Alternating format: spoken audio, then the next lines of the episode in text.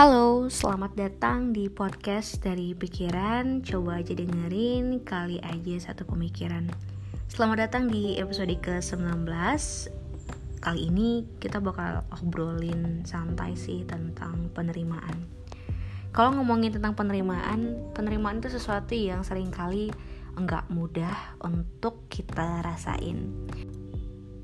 Apalagi kalau kita harus menerima akan realita yang ada mencoba um, menerima perbedaan antara satu jalan atau banyak jalan-jalan yang lain yang tidak sesuai. Entah itu di antara kita sendiri yang tidak sesuai dengan apa yang kita inginkan atau tidak sesuai antara kita dengan orang lain.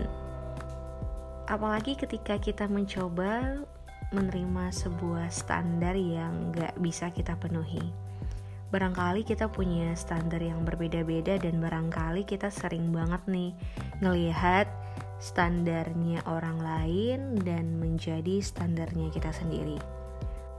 Mencoba menerima bahwa hal baik tidak akan selalu hadir. Semakin dipikir-pikir akan semakin banyak hal yang sepertinya bisa aja kita tidak terima. Semakin banyak hal-hal yang membuat kita berpikir keras untuk kenapa ya begini, kenapa um, tidak begini aja? Kenapa harus terjadi yang ini?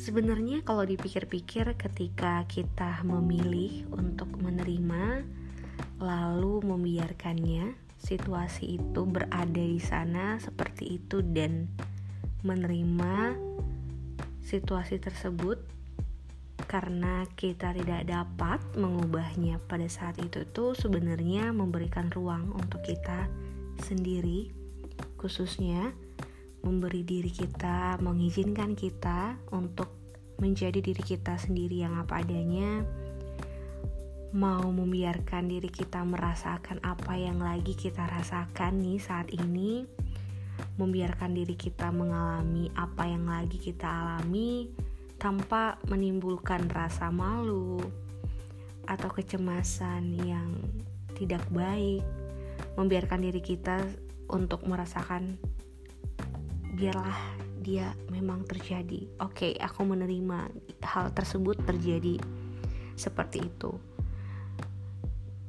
Ya, betul rasa sakit itu pasti dan masih ada. Tapi setidaknya ketika kita mencoba menerima dan barangkali kita sering ngomong ya udah nggak apa-apa ya udah memang mungkin udah seperti ini jalannya paling nggak membuat beberapa rasa sakit dan penderitaan yang ada di dalam diri kita sendiri itu berkurang. Karena realitanya perbedaan itu akan selalu ada. Maka kita memang harus selalu untuk membuka mata kita. Karena adanya kemampuan, adanya pengalaman, apalagi nih gaya hidup, latar belakang, dan kepribadian dan masih banyak lagi yang pasti akan berbeda. Kita mau mencoba melapangkan hati kita akan hal-hal tersebut dan mencoba mau untuk mensyukuri beberapa hal yang ada di diri kita.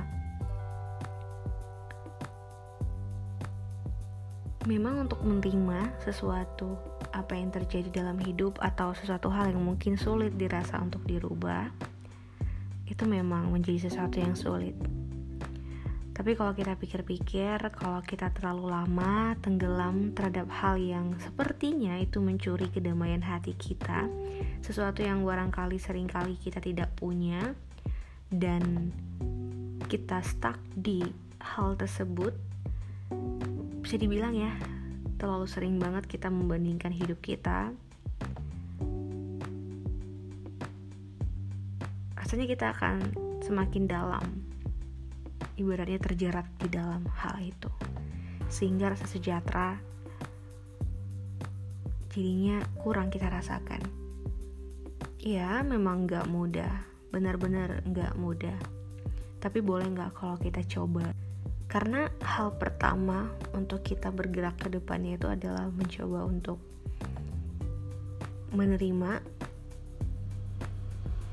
dan sadar bahwasannya perubahan itu akan selalu ada dan kita mau untuk memulai hari ke depannya atas apa yang bisa kita kendalikan. Karena pada akhirnya kita harus mempertimbangkan bagaimana kita mau menerima, mencari hal-hal yang bermanfaat bagi kehidupan kita sendiri, dan bagaimana kita mau melakukan sebuah praktek di masa sekarang akan hal-hal yang bisa kita kendalikan dan akan hal-hal yang kiranya bisa kita rubah.